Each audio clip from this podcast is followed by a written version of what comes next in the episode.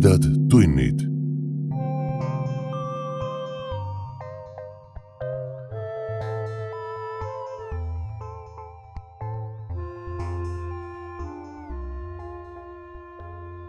tere, hea ulmesõber! sa hakkad kuulama seitsmendat ja viimast osa meie suvisest järjejutust. ühtlasi on tegemist teise ja viimase osaga Laura Loolaiu ulmeloost Rahvaloendus. kui sattusid siia juhuslikult, siis soovitame minna mõni osa tagasi ja kuulata ka eelmisi jutte. maniakkide tänava ulmelugusid Koletis kosmoses ja Täheprogramm. kõik need jutud pärinevad raamatust Saladuslik tsaar kuus, viimase vere poole. kõhedat kuulamist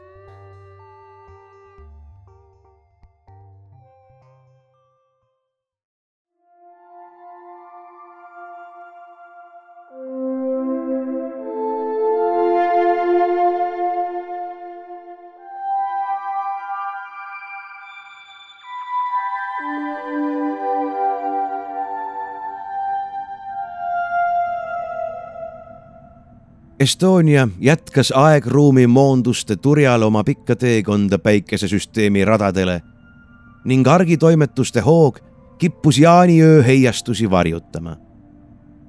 kui Kristjan skloonide virtuaalrännakutest osa võttis, nägi ta küll endisest õitsvamat Jurmalat ning rõõmustas uute kultuuripaketi poogete üle, kuid hämariku sügavuste saladusi neil retkedel rohkem ei avanenud küll pani Kristjans tähele, kuidas klounid ka pärast Jurmalast ärkamist ikka ühtses rütmis hingasid ning kuidas Estonia olmesse tagasi tulleski teineteist sõnadeta mõistsid.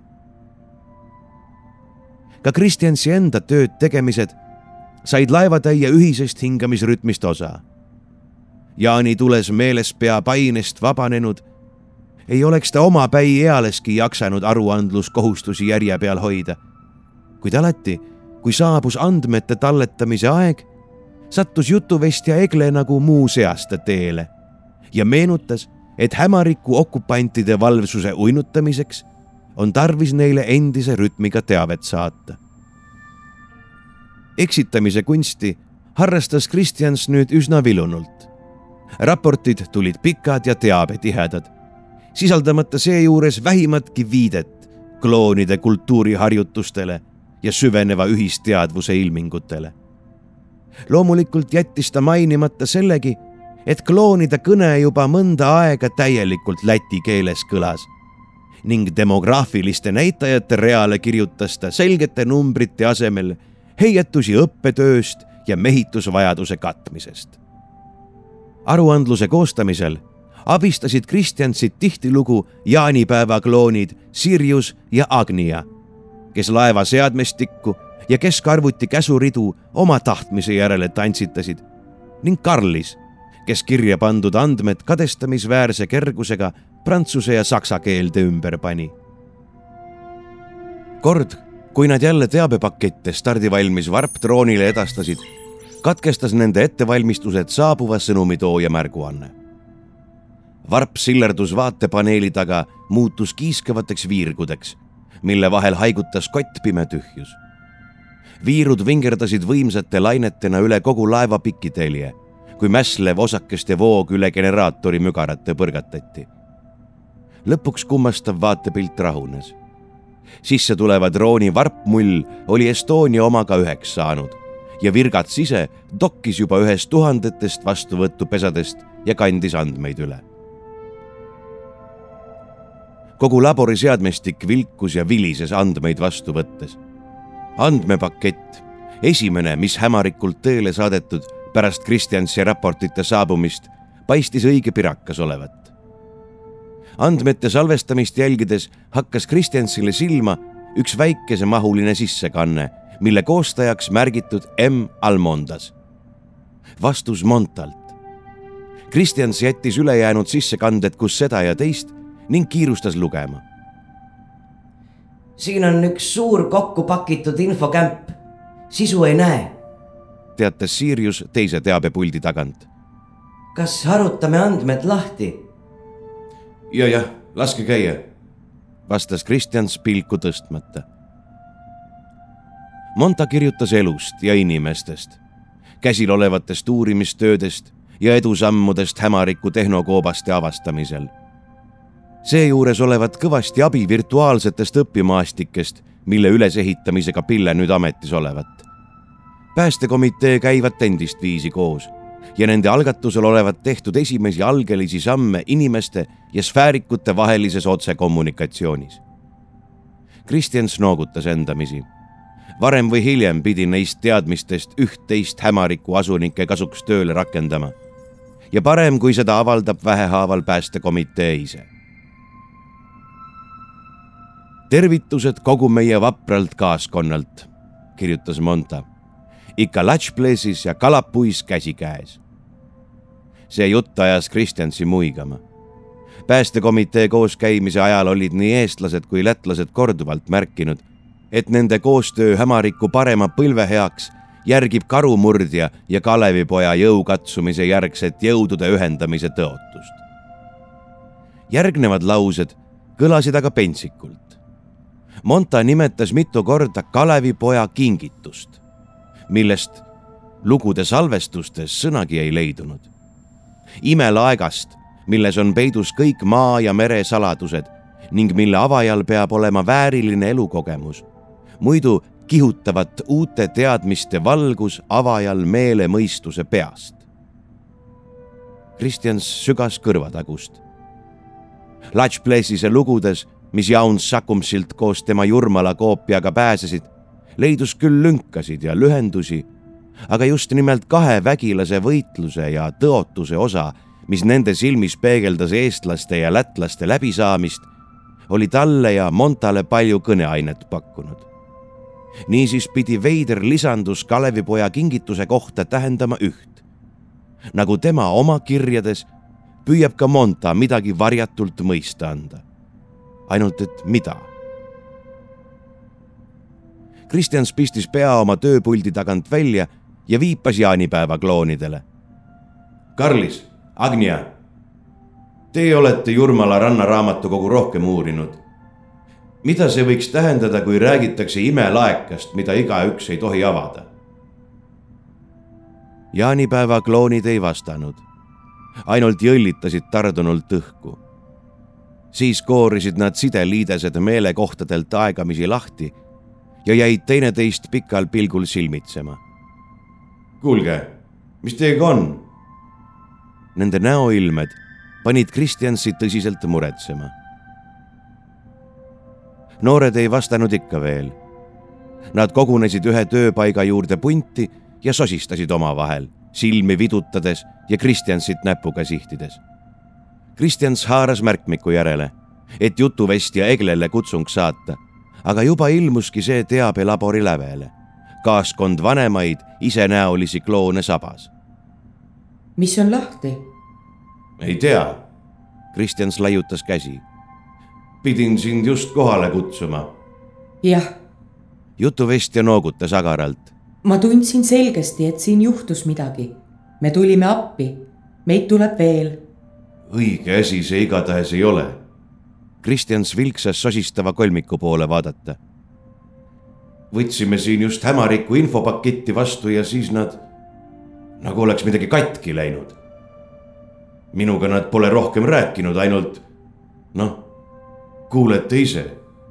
kui on meri, hülge hall. nohises Agnia.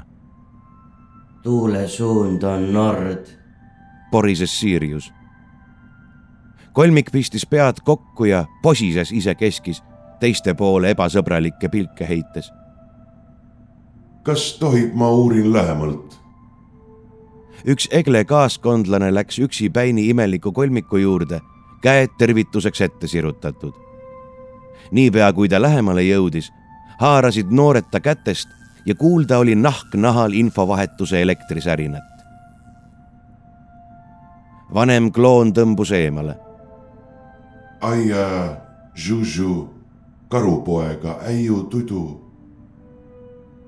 pomises ta läti-eesti segakeeles ja keeras segaduses pilku ühelt seltskonnalt teisele. Kristjans kahvatas. ma vist tean. ta luges uuesti Monta kirja. kalapuis aga tõi kingituseks imelise kuldlaeka, mille sees kõik merede ja maade tarkused algusest. tarkused ja teadmised aegade algusest, pomises Kristjans veel kord. siis laksas ta endale otsa ette. no muidugi, Eesti kultuuriprogramm ja tema veel lubas jaanipäeva kloonidel seda segmenti omapäi lahti pakkida. näete, ta kuvas vastu võetud teabe suuremale ekraanile. vaasunikud on meile täieliku Eesti kultuuripaketi saatnud. Peidetud programm isekäivituv. noored kirjutati väevõimuga üle, keel, kultuur, kõik. jutuvestja ainult naeratas leebelt nagu alati. ära muretse, vast virgunud on ju samasugused vaatame. ta sulges silmad ja ümises endamisi jaanipäeval kuuldud viit. Teabelabori ukse tagant pikikäikudest hakkas peagi samuti ümisemist kostma ja lähenevaid hääli aina lisandus. peagi saabus salgakesi nooremaid ja vanemaid kloone. järgemööda ühinesid nad suuremaks ringiks, mis lõpuks sulgus ülekirjutatud salgakese ümber. Liigo, liigo. Kõlas jaanitule rahutusse tasakaalu toonud unelev viis kiikuvatest kõrkjaist ja häiluvast sooudust. Ema viis hälli heinamaale. hüüti puntra keskelt vastu, kuid unelev ümin aina paisus, kuni viimsedki eestikeelsed protestihüüded sellele alla vandusid. ring avanes ja jutuvestja astus esile leebe naeratuse näol näed, ongi kõik korras. aga ei ole ju, ohkas Kristjans. praegu meil lihtsalt vedas, et teid rohkem keskarvutiga ühenduses ei olnud. näete ju, nad on saatnud ise käivituva kultuuripaketi. püüavad teid üle kirjutada. kindlasti üritavad varsti jälle. aga miks? ega nemad ei tea, mis me Jurmalas õpime. sa ju ei kanna sellest ette. ei mürakas lasi pea norgu. Nad lihtsalt ei usalda mind. ju nad ikka kahtlustavad, et ma tahan teist lätlasi teha. See pagana Estonia asustusnõukogu on nõuks võtnud hämarikult kogu galaktika vallutada, muidugi Eesti kloonidega. Nad ei salli kuidagi, et neid segatakse. aga kui sa ei ole sellest ette kandnud, miks sa üldse arvad, et nad midagi kahtlustavad? sest ühele laevale ma juba tegin kord nii. kloonide ring tõmbus nüüd uue huviga Kristjansi ümber. mida sa siis tegid? Nojah, nad seal panid laeva täie sfäärikutest tehtud morfmassi teele, nagu teie. ainult et, et kui laev sihile jõuab, vormitakse massist kohe Eesti kolonistid ja siis ma noh Kristjans niheles. ühesõnaga, mina kirjutasin jällegi selle laeva üle, täieliku Läti kultuuriprogrammiga. küll see võib alles huvitav lugu olla. Jutuvestja astus Kristjansi juurde ja seadis talle nagu muuseas virtuaalkomplekti ninale. see lugu on meile kõigile uus. jutusta. jutusta, jutusta. ümisesid kloonid ja istusid ringis maha. Kristjans istus nende sekka, toetas ühe peopesa elektrisärina saatel samblapalli turjale ning ulatas teise harjunud liigutusega kõrvalistujale. Siis ta jutustas. Laboritest ja doktor Loost, vabrikutest Hämariku põues ja Andrekust, asustuse nõukogust ja asteroid ühest, seekord ei tekkinud talle jutustades silma ette põhjalikke vaateid, kuigi sõrmeotstes surisesid tuttavad info jagamisssignaalid. see-eest elas Kristjans jutustamise käigus uuesti elavalt läbi neid tundeid, mis teda valdasid tehnokoopaid avastades, sfäärikutega tutvust tehes, täheprogrammide käimalükkamise ajal. alles siis, kui ta hakkas kõnelema Hämariku laboritest ja teele läinud laevadest, vilksatasid virtuaalkeskkonnas ka mõned kujundid. Nad tahtsid neid, teid, meid ära kaotada, mõistate? ma ei saanud teisiti. kui Kristjans oli jutustamise lõpetanud, jäi ring vaikides paigale ja prille peast võtmata tundis ta, kuidas hämarast säravad tema poole kõigi kloonide silmad, rohelised nagu hämariku veeresammal. kas mõistate, mida see tähendab? lausus lõpuks jutuvestja. meid on kuskil veel. hakkab olema, kinnitas Kristjans. kloonid ümisesid kasteheina viit ja kõigutasid end ühises rütmis, käsi lahti laskmata surin Kristjansi kätes tugevnes ja nüüd vaheldusid pildid vaimusilmas välgu kiirusel. hämariku tähistaevas, koopad, samblamassid, vabrik, labor, asteroid, asundus, kosmos, tähistaevas, koopad, sammal, asteroid, kosmos, vabrik. lõpuks jäi püsima üks vaade. asteroidlaev hämariku silmapiirile kerkimas ja kosmose sügavusse kaugenemas Kristjans. ah? üldises melus ei pannud ta tähelegi, millal surin katkes. Kristjans, aga kas sa tead, kuhu nad läksid? Kristjans võttis virtuaalkomplekti peast ja kibrutas kulme. talle meenus Andreku tusameel ja doktor Loo laavanägu, prantslaste õnnesoovid ja pokaalid vahuveiniga. aga sihtkoht kuhugi kaugele. Nad tahtsid ju ikkagi galaktikat vallutada. sõnas ta mõtlikult. täpseid koordinaate mulle ei öeldud. ja pärast, siis hoiti mind kõva valve all, ei saanud enam järele ka uurida. aga nüüd saad? muidugi. Kristjans ruttas teabepuldi taha ja asus õhinal täheprogrammi arhiive tuhnima, tundes, kuidas teda ennastki pisut-pisut sinna teadmata kaugusesse kisub. näete, need paketid on hämarikul ehitatud laevade kohta. ligipääsu on nad minu eest muidugi jälle lukku pannud. me aitame. jaanipäeva kloon Agnia ruttas samuti teabepuldi juurde. ja, lisas Karlis. me oskame päris hästi keskarvuti kaitsesüsteemidest mööda hiilida ülekirjutamisest toibunud noorkloonid asusid järgemööda tööpostidele ja kleepisid liidesnapad tagasi otsaesisele. noorte selja taha kogunes salgake abilisi ning kuulda oli infovahetus puudutuste õrna särinat. abilisi kogunes aina rohkem ja õhk täitus mikrolaengute särinast võidu ekraanidel kihutavate teaberidade värelusega kuni käes hõikasid kõik kloonid kooris asteroid üks sihtpunkt on tuvastatud. muudame kurssi ja püüame nad kinni. nüüd kohe. Kristjans pilgutas nõutult silmi. varp Estonia oli tükimat aega tema jaoks tähendanud võõrast jõudu, mis ta kodust, hämarikust eemale kiskus. alles hiljaaegu oli ta tasapisi selle käikude ja ketastega harjuma hakanud ning kuidagimoodi kohanenud mõttega eesseisvast maale jõudmisest mõnikord tõstis temas isegi pead pisitilluke salaunelm maapealse Jurmala nägemisest. oodake, pomises ta. vast teeme kõigepealt ikka ettevalmistusi. aga juba kogunes kloonide pundar puldi ümber, isekeskis erutatult sumisedes. aga kuulge, Jurmala? uuris Kristjans hädiselt. mis sellest saab? ta on meil ju kaasas ära muretse. ei, ma mõtlen päris Jurmala. maa peal. Kristjans punastas. see oli tal esimene kord salalootust kellelegi tunnistada. milleks sulle need varemed? päris Egle ja teised kloonid vangutasid päid. me tunneme Jurmalat nüüdseks läbinisti.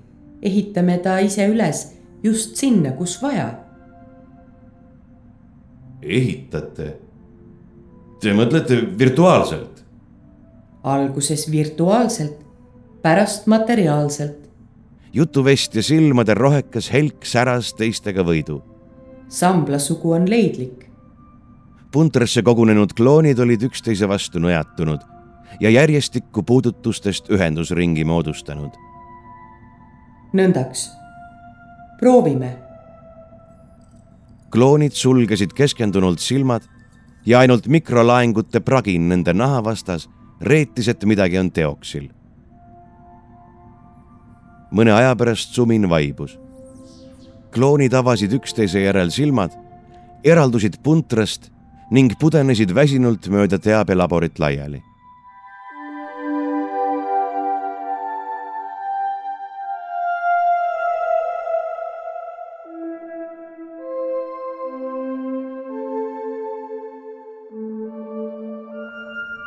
Kristjan spiilus vaatepaneelist Estonia kere mügaraid ja varpsillerdust, mis näisid täpselt samasugused kui enne. kas juba keerasime? päris ta ettevaatlikult. ei saa, ohkas jutuvestja. meil jääb jõudu väheks. kuidas väheks? Kristjans ei tahtnud oma kergendust välja näidata ma mõtlesin, et teil on laevasüsteemide üle täielik kontroll. me suudame süsteemides ringi vaadata, seda küll. aga selleks, et kurssi muuta, on vaja enamat. meil lihtsalt ei jätku selliste protsesside käitamiseks neurokudet. nii et me ei saagi teist laeva püüdma minna. alles nüüd, kui ootamatu seiklus päevaplaanist maha kriipsutati, hiilis Kristjansi hinge kergenduse kõrvale ka pisuke kahjutunne. jutuvestja aga naeratas oma tavalisel moel. veel ei saa. kui meid oleks rohkem, sa oled ju isegi näinud, kui meid on rohkem koos, suudame me rohkem. ma arvan, et koos saaksime ka hämariku programmeeringust täielikult välja murda. me peame rohkem endasuguseid üles äratama. sa ju aitad meid, Kristjans aga. Kristjans meenutas tühja pilku kolme noorklooni silmis ja totakaid Eesti vanasõnu, mida need podisesid. mis siis saab, kui hämariku omad meile jälle mingit jama saadavad? Teid kirjutatakse üle, unustate oma keele, unustate laeva. jutuvestja raputas pead. nägid ju, kui mõned meist mäletavad, siis naljalt ei unusta mida rohkem meid on, seda paremini püsib mälu ja neid, kes ärkvel on, ei saa ka krüokookonite kaudu vaikimisi üle kirjutada. õige küll. Kristjan skratsis kukalt. sedapidi polnud ta mõelnudki. äratame siis juba teid kõiki. ma aitan. mul on ju jätkuvalt ülesanne teie populatsiooni arengule kaasa aidata. jutuvestja muigas ära seda siis kohe ettekandesse kirjuta. me ei kirjuta, kinnitas Kristjans, sisimas juubeldades. Läti vägi elas ja hingas, hämariku ametnike kiuste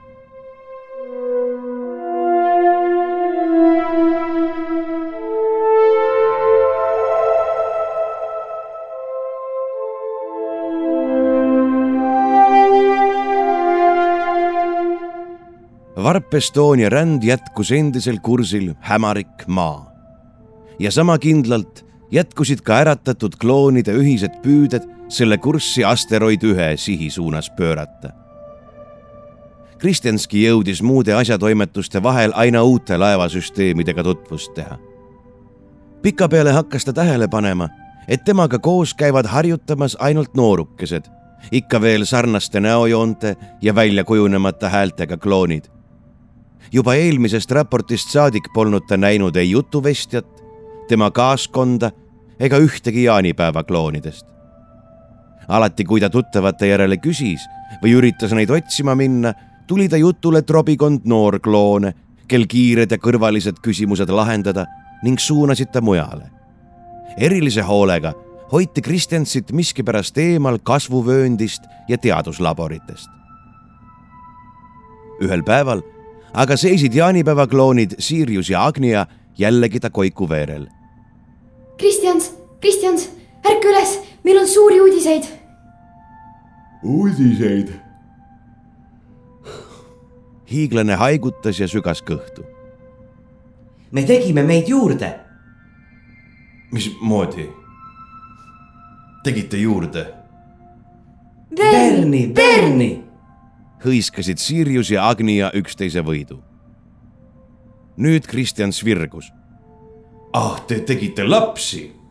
sellepärast te nii varju hoidsitegi, vaat kui tubli. Läti sugu kasvab. jaa, tule kaasa. hakkame nimesid panema. ma pole vist veel päriselt ärganud, mõtles Kristjan silmnägu hõõrudes. Nende uut tüüpi kloonimislabor oli küll väga võimekas, aga täissuuruses inimese valmis kasvatamine võttis siiski oma aja oodake, meil on ju veel aega mõelda või kuidas. ehk jõuame enne maalegi, kui lapsed päris valmis. ei ole aega, Berni on juba kohal. ikka veel hämmeldunud, ajas Kristjan stunked selga ja lasi end kasvuvöötme suunas nügida. kohale jõudes nägi ta ees ootamas paljupealist kollektiivi nagu jaanipäevalgi. Rõõmsalt liugles Kristjans rahvasumma poole kuid jäi poolel teel jahmunult jõllitama.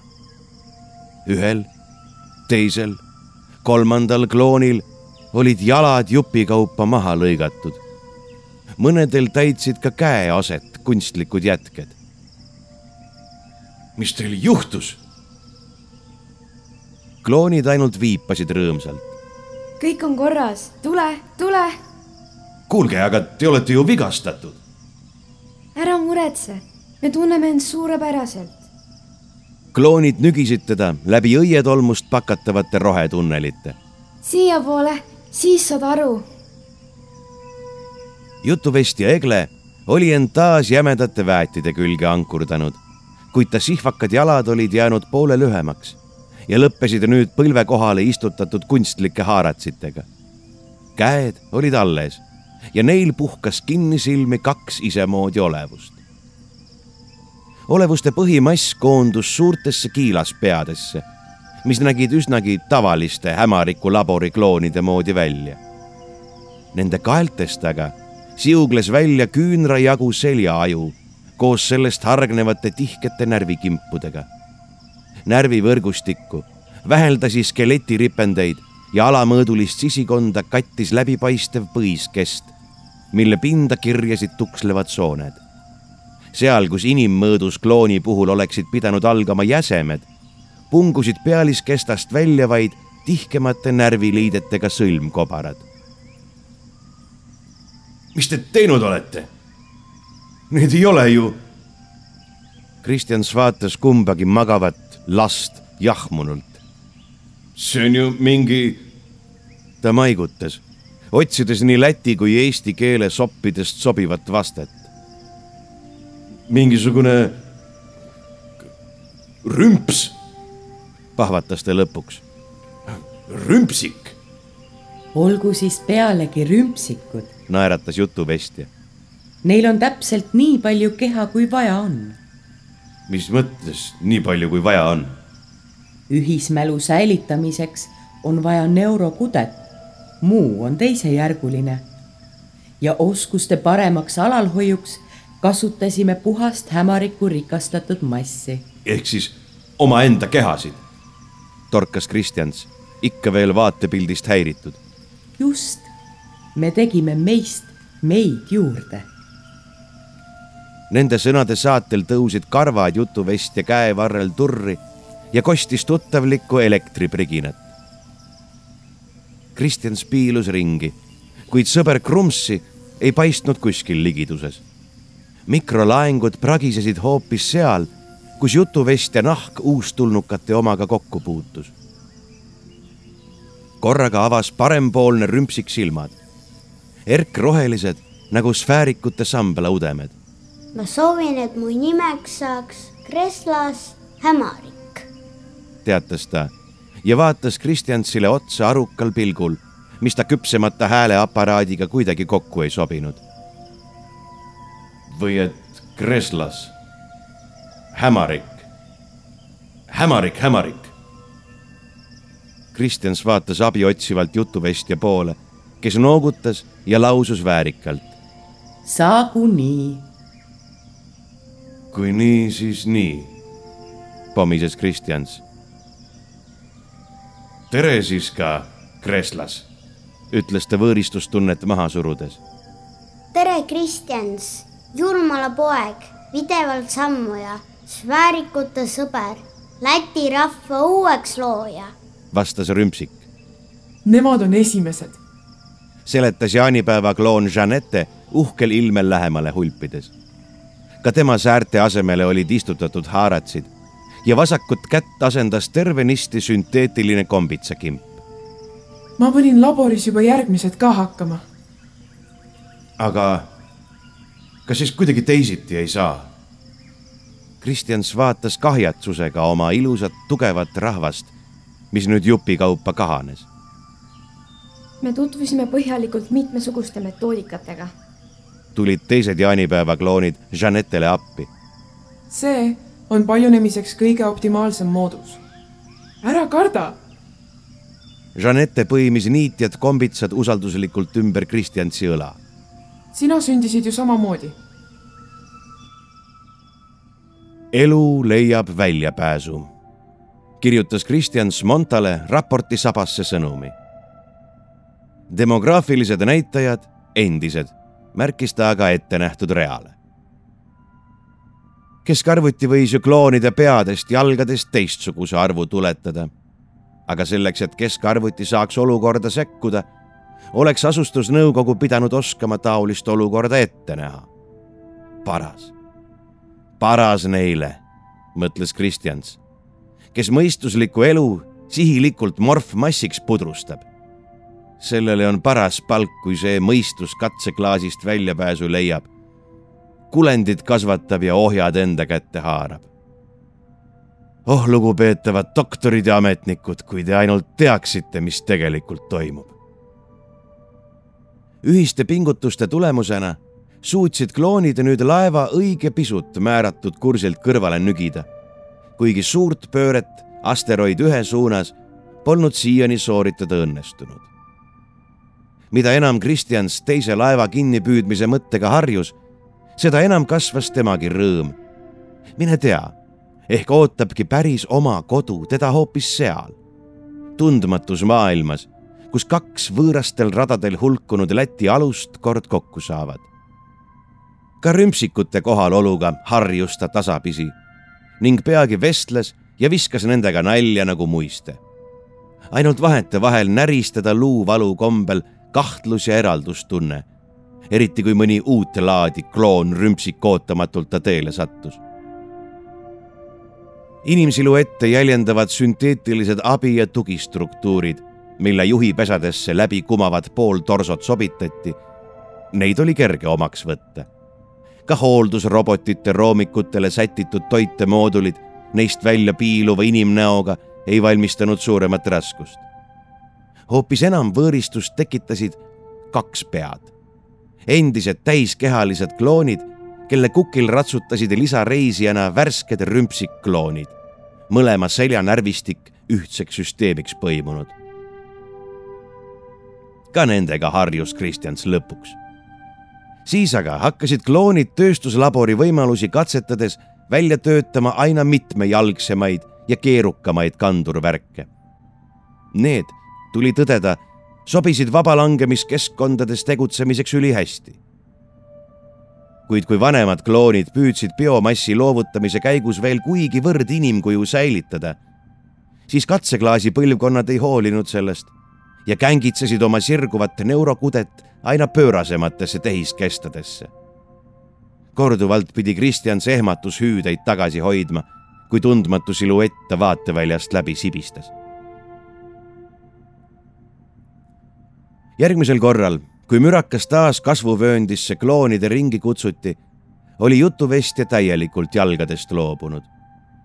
ta liugles käte jõul väetide vahel, kere alumine ots ümarikus toitekapslis. tema kuklakaarel aga heljusid liikumise rütmis tuttavlikud roheudemed. ümberringi sagis veelgi kehamassist loobunud kloone aina pöörasemad sünteetilis-orgaanilised rakendused loomulike jäsemete aset täitmas. Kristjans pani tähele, et mitmel rümpsikul olid hakanud närvikiud sünteetilist tugiraamistikku pidi edasi kasvama. nii et nad meenutasid maalugudes nähtud nahkjate tiibadega vee ja ööloomi. seal aga, kus nende närvipuntrad tehissüsteemidega kokku said, kasvasid kõigil rohekad udemed ning kloonide iga puudutust saatsid kuuldavad mikrolaengud. Kristjans, kuku. hõikas äkki keegi lõbusalt paksemast võpsikust. ta vaatas sinnapoole. oksal sirutas sünteetilisi koibi uutmoodi rümsik, kelle habrast pooltorsot kaitses kummiskitiinkest kaheksa liigendina kokku käiva kunstiaseme otsas uhkeldamas pundar iminappasid. Kristjans pidi tunnistama, et vaakumkeskkonnas liikumiseks, eriti kitsamates laborites, sobis säherdune komplekt tõesti ülihästi. tere jah, ühmas ta. kuku, kuku. kuku. hõigati kohe mitmel häälel uuesti ja esimese tagant pistis pea välja terve trobikond rümsikuid nüüd nägi Kristjans, et nende närvivõrgustikud olid ridamisi istutatud ühtsele ämblikkarkassile. Lõkerdades tõukas paljupäine kobarend oksalt lahti ja kukerpallitas puhkevate pungade vahel. jutuveste ringiga ühinedes ulatas Kristjans naabrile käe nagu ikka, aga seekord ei leidnud ta vastuseks sooja peopesa. ta sõrmede ümber mähkus hoopis samblaudemetega kaetud poolsünteetiline kulend vähemalt Jurmalas paistis kõik vanamoodi. Nad kolasid tuttavates tänavasoppides, põikasid Riiga ja randa. kui nad mööda tuttavaid suvitusradu jalutasid, tumenes korraga mere kohal taevas. just nagu samblapalli esmakontakti ajal käis Kristjansil peast läbi.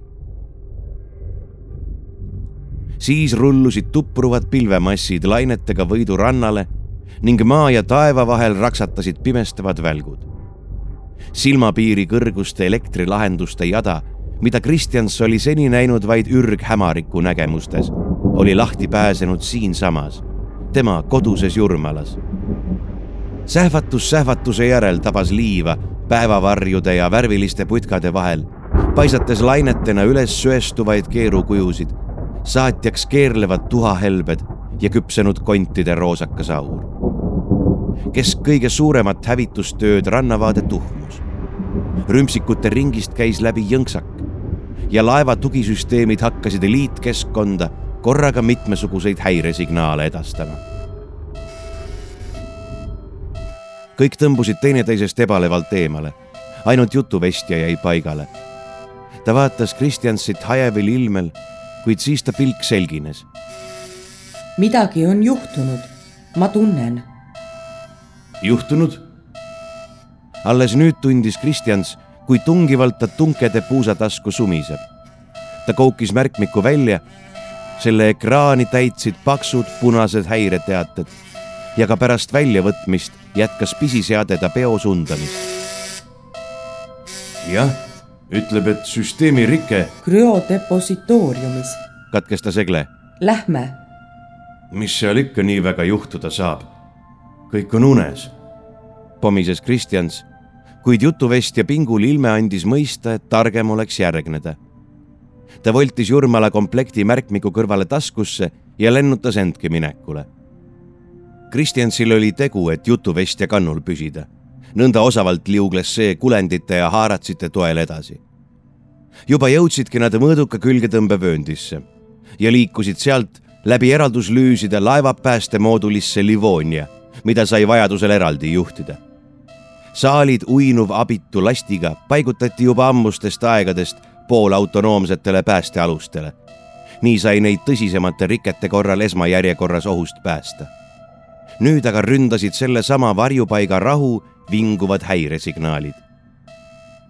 Kristjans heitis pilgu vilkuvale peaekraanile ja ruttas saali sügavusse, kus krüokookonite pikad read hämaruses helendasid. valgustatud kookonite otsaekraanidel jooksis tööjärg häirimatute logiridadena, nagu ei oleks midagi juhtunud. kuid juba hakkasidki eemal silma pimendatud lüngad, kookonid, mis olid lõpetanud oma asukate elutoe tagamise. käigu pealt avarii elustamisvarustust kaasa haarates ruttas Kristjans lähima pimendatud kookoni juurde. kui ta selle käsitsi lahti kangutas, tungis ninna kirbe, osooniga vürtsitatud kõrbehais. sama kordus rida realt kõigi töö lõpetanud kookonitega. tundmatu rike ei olnud tugisüsteeme lihtsalt niisama välja lülitanud. iga seiskunud kookonit oli tabanud põhjalik lühis, mis seesmise seadmestiku koos kookoni asukaga poolpehmeks küpsetas. nägusid pimedate kookonite asukatel enam polnud, kuid Krüo kataloogist luges Kristjans kokku kaks tuttavat nime. esimesed vastalised, kes ütlesid, et nemad hämariku tolvanite jaoks lillegi ei liiguta ja et magavad reisi maale hea meelega maha. küll oli tal tookord hea meel pealtnägijate vähenemise üle. eriti veel, kui esimeste eeskujul kõik mittekloonid järgemööda valiku krüosaali kasuks langetasid. ja nüüd? Kristjan stammus ebaledes jalalt jalale elutähtsaid funktsioone ei ole võimalik taastada, luges ta vaikuse katkestamiseks päästekomplekti näitu. mis me nendega siis nüüd teeme? ka jutuvestja Egle vaatas nukralt suitsevaid tühimikke kaugusse kaarduvates kookoni ridades. missugune piiritu kahju. siis noogutas ta endamisi justkui otsusele jõudes. aga me saame korraldada nii et see kahju ei oleks asjata. Kui nendes on pisutki kahjustamata kudet säilinud, rakendame selle uue elu loomisel. viige nad biolaborisse. juhendas ta ei tea kust välja ilmunud kloonide salka. kui abilised olid süngete kandamitega viimaks lahkunud ja jutuvestja jälle Kristjansiga omavahele jäi, lõi ta silmad häbenedes maha. ma mõtlesin nende peale mõtlesin ja kujutasin ette, mis siis saaks, kui nende süsteemid välja lülituksid. kuidas me saaksime nende ainest vähehaaval enda massiga segada? aga mis on laeval sellest, mida sina mõtled? ei saanud Kristjan aru.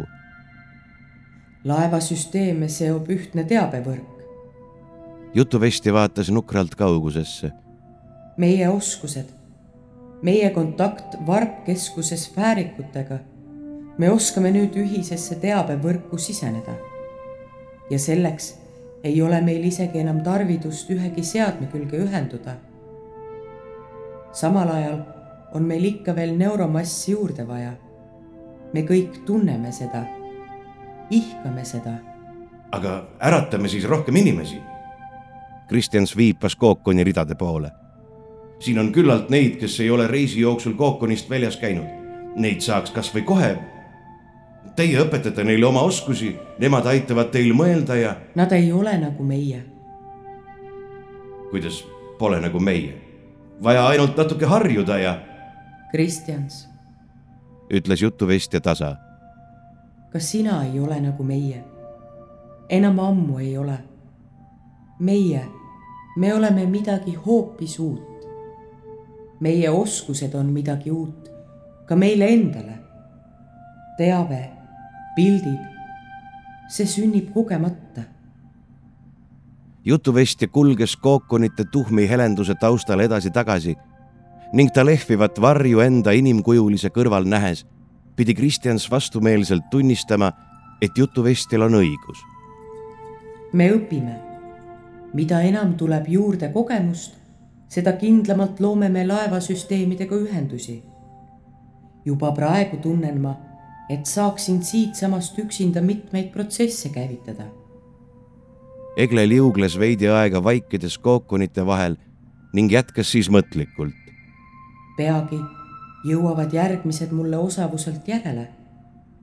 ja nüüd me teame, me kogesime korraga, et siit saalist saaksime morfmassi suurema vaeva veel enne, kui ta jõudis lause lõpetada, kostis krüokookonite seast ridamisi uusi lühiseraksatusi. ehmunult pöördusid jutuvestja ja Kristjans vaatama. tõesti, helendavate kapslite vahelt imbus osoonihõngu ja pikkadesse ridadesse olid tekkinud uued pimedad lüngad. Kristjans haaras päästekomplekti tugevamini kaenlasse ja tegi paar abitut sammu kookonite suunas jutuvestja peatas ta nukra pearaputuse saatel. Pole mõtet. näed nüüd, ma ei tohi sellest enam isegi mõelda. pean tähelepanu mujal hoidma. varem või hiljem. jutuvestja ohkas ja ta samblarohelised silmad läikisid pisaratest. kulendite lehvides keeras jutuvestja kookonite väljale selja. aga võib-olla ongi nii parem. Jõuame kiiremini vajaliku neuromassini ja saame juhtimise täielikult üle võtta. Nende sõnade saatel lendasid esireas veel kahe kookoni juhtpaneelid kildudeks ja Kristjansi ninna tungis magus krõbe lõhn, mida ta Jurmala rannal välgusähvatuste järel tundnud oli. me peame kuidagi teisiti, hüüdis ta ähmiga.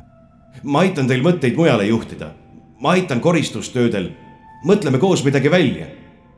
saagu nii. aga nüüd pean ma taimede sekka tagasi minema seal on lihtsam pead selgena hoida. mõtlikul moel kulges ta krüosaalist välja. tema asemel marssisid tehisliigeste surinal sisse Sirius, Karlis ja Agnia.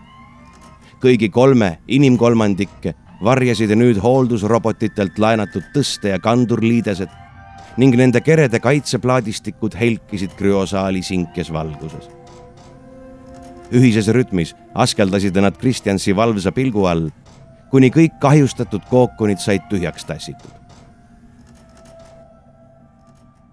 kui jaanipäeva kloonid läinud olid, istus Kristjans veel kaua krüosaalis, kiivalt kookonite sektoreid silmas pidades, sõber samblapall usalduslikult kõrval särisemas. Mida sina sellest kõigest arvad, Krumpsik? mis ma peaksin tegema? sfäärik veeres talle külje alla ja nügis elektrisädemete priginal taskut, kus puhkas kokku pakitud juurmala. olgu. Kristjan seadis prillid ninale. kohe avanes ta ees vana hea kolka nina ja hälliv pilliroog. ta ise seisis üksinda rannal, ainult sõber sfäärik hullas siinsamas veerlevates lainetes. üksildase mererannaga sulas kokku teine vaade süvakosmos, mille pimedusse kadusid varpvälja sillerduse saatel nii Estonia kui hämariku panoraam. alles jäi ainult tuul, kastehein ja nemad kahekesi kajakate kisa sees.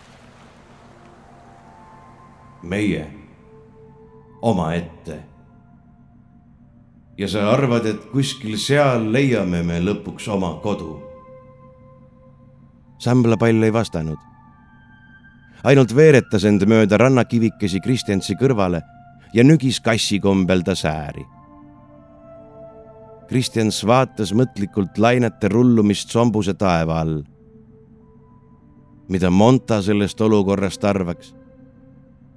Monta, kes kunagi Jauns Sakumpsi pardal ta DNA katseklaasi kasvama pani, kes väljakujunemisperioodil ta enda kõrvale laborisse lubas kes vapralt seisis vastu ohtudele hämariku orbiidil ja aitas ka temal ellu jääda.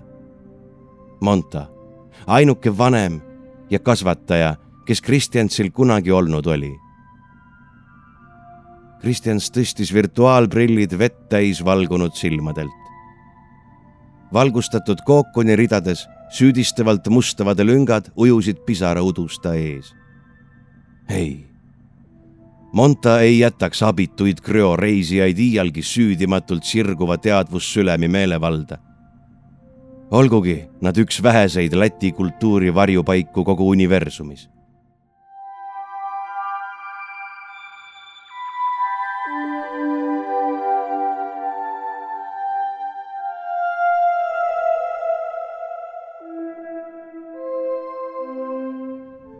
Kristjans läkitas teabelaboris oma viimase raporti teele ja vaatas kaasa võetud asjad üle. ratsioonikast ja puhtad tunked, märkmik, isiklikud hooldustarbed, mälestuseks mõned roheväädid ja muud pudi-padi. kuhja otsast roonis poolläbipaistev pihuekraan, päästemoodul Livonia varpoperatsioonide juhend. kui raske see ikka olla saab, mõtles Kristjans näe, kullerdroon vupsas praegu oma väikse varpmulliga suurest välja nagu nalja. seekord kirjutas ta raportisse kõik, mida ta seni enda teada oli hoidnud. kuidas juba reisi algjärgus äratatud kloonide hulk ettenähtud piiridest välja kasvas. kuidas kloonid õppisid puudutuste abil informatsiooni jagama. kuidas nende ühisteadvusjõudu kogudes Estonia keskarvutiga kontakteerus ning kuidas nad neurovõimekuse juurde saamiseks oma kehasid moonutama hakkasid. igal real rõhutas Kristjans kuidas missioonikomitee oli teadlikult eiranud tema hoiatusi hämariku eluvormide mõistuslikkuse kohta ja mitmetest protestidest hoolimata tundmatuid organisme biomassina kasutanud, ise selle elu olemust ja võimekust mõistmata. ainult Jurmalat ei maininud ta ikka veel. Las Monta otsustab, mida ametnikele avaldada, mida mitte. kloonid on otsustanud muuta Estonia kurssi ja asteroid ühe üles otsida, kirjutas ta lõpuks. mina ei saa neid takistada. mitte keegi ei saa. Kristjans vaatas kordamööda varpefekte vaatepaneeli taga ja teabelabori vilkuvaid tööpulte. kõik tundus nagu enne, reisi alguses, etteaimatav, rahulik, kontrollitud. kuid ta teadis, et see rahu on näiline ja kõhklusteks enam aega ei olnud. kloonid pidid pärast puhkepausi taas kursimuutust proovima ja Kristjans oli veendunud, et üsna pea läheb see neil korda. eriti nüüd, kui toimis sõnatu kaugkontakt kloonide ja varpsõlmi kontrollivate aktiivsfäärikute vahel. tema ilus, õpihimuline rahvas oli ilmselgelt üle pea kasvanud. missioonikomiteel ja temal ka Varp Estonia päästemooduli pardal valitses valvsust uinutav vaikus. Kristjan silmitses krüokookonite ridu, mis saali hämaras kaugusse kadusid. õige mitme kapsli tabloodel kõikusid näidud ähvardavalt. ning kuigi harvem, kostis ikka ja jälle ridade vahelt reetlik klirin, mida saatis kirveosooni lõhn tähelepanelikumalt nuhutades kandus kaugemalt kookonite väljalt ka küpsevate, käärivate kehavedelike vinet. küllap olid kloonid biomassi äraviimisel mõne pimenenud kookoni tähele panemata jätnud. ta põrgatas end otsustavalt päästemooduli juhtkeskuse poole. Teel veerles sõber sfäärik seinale liibudes edasi-tagasi, justkui osutaks sinnapoole, kus paiknesid rändurklassi uurimislaevad Kristjans haakis end jalatugedesse ja patsutas teda sädemete praginal. ma tean, Krumsik, mina tahaksin ka, aga me ei saa teisi lihtsalt siia kõrbema jätta. Monta ei teeks iial nõnda. ära muretse, mul on instruktsioon ilusti kaasas. Ta patsutas tunketaskut, kus pungitas ka kokku volditud virtuaaljurmala hakanud end juba edasi hiivama, peatus Kristjans poolel tõmbel. Jurmala. aga mine tea, mõtles ta. äkki suudavadki ta kuskil päriselt üles ehitada. hoogsa kukerpalliga pööras ta peakäigu poole tagasi. oota siin, Krumsik. Ajan veel ühe asja korda.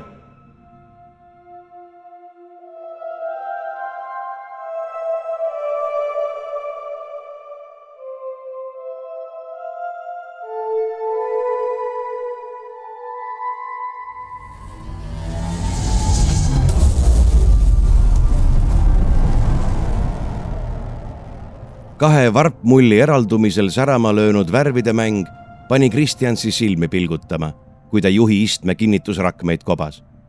kõrvalistmel puhkas võrgu ja rihmadega kinnitatud samblapall. nõnda siis, kaaspiloot Krums. Kristjans puudutas sädemete särinal sfäärikut. olemegi teel. päästemoodul Livonia ja krüosektorite lahtihaakimine Estonia peateljalt oli viperusteta õnneks läinud. varpväljade lahutamine niisamuti. Kui palju siin aitas kaasa võetud kasutusjuhend, oli võimatu arvata, sest abiprogrammid ja automaatika, mis aitasid droonidest sõnumisaatjaid hämarikule läkitada, toimisid ka suuremate rändurmoodulite puhul täpselt sama tõhusalt. Kristjan suuris vaheldumisi varptoimete mudelit ja väliskaamerate edastusi. aegruumi vibelus, mille keskel võis aimata ruumilaev Estonia kuju, eemaldus neist tõepoolest. Kõige raskem samm oli tehtud. nüüd jäi veel see teine. alustame salvestust. ta noogutas kontrollekraanile, millelt paistsid veidi kõverikult nii tema kui kaaspiloot Krums ning krüosaali juhatavad viidad nende selja taga. armas rahvas.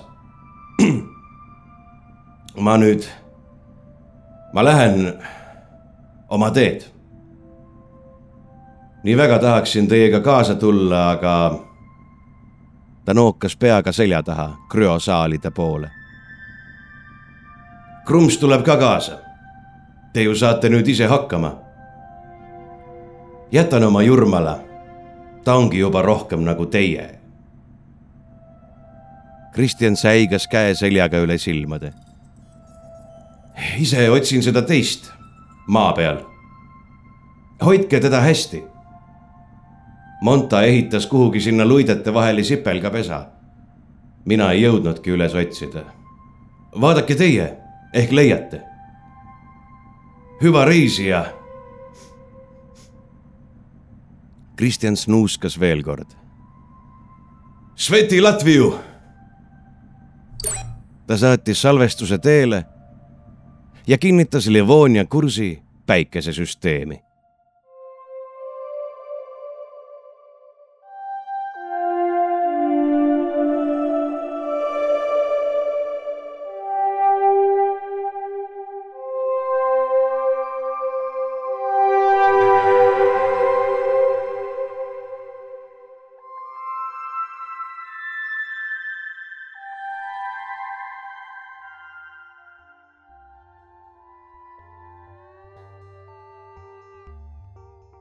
Te kuulsite viimast osa meie suvisest järjejutust ja ühtlasi viimast osa Laura Loolaiu ulmeloost Rahvaloendus. kui soovite astronautide tegevusest, maalt startimisest, vahepealsest teekonnast ja hämarikul toimuvast veel lugeda, siis võtke ette saladusliku tsaari raamatusari, millest on praeguseks ilmunud kuus jutukogu. meie kohtume teiega juba septembris ja siis on kavas juba hoopis teised lood. seniks jagage meid sotsiaalmeedias sõprade ja vaenlastega ning võimalusel hakake meie toetajaks veebilehel patreon.com kaldkriips tumedad tunnid. kõhedate kuulmisteni